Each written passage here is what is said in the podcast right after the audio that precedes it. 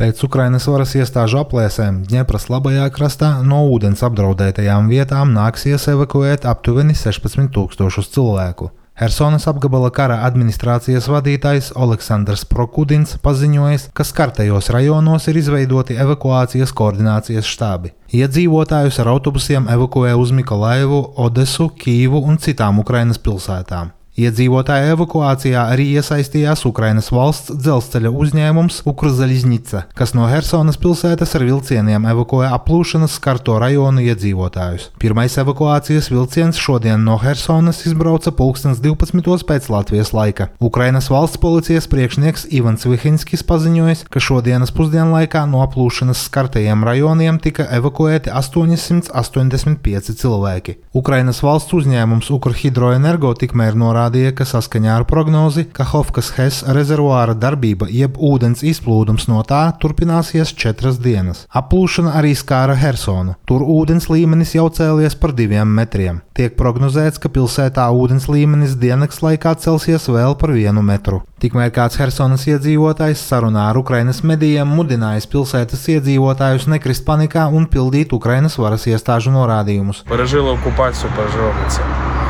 Nu, Tiem pašiem būdam spēļoties. Līdz šim esam pārdzīvojuši okupāciju, pārdzīvosim arī šo. Turklāt cerēsim, ka neaplūdīs visa pilsēta. Ir daži lauku rajoni, kas no tā cietīs vairāk. Cerēsim uz labāko.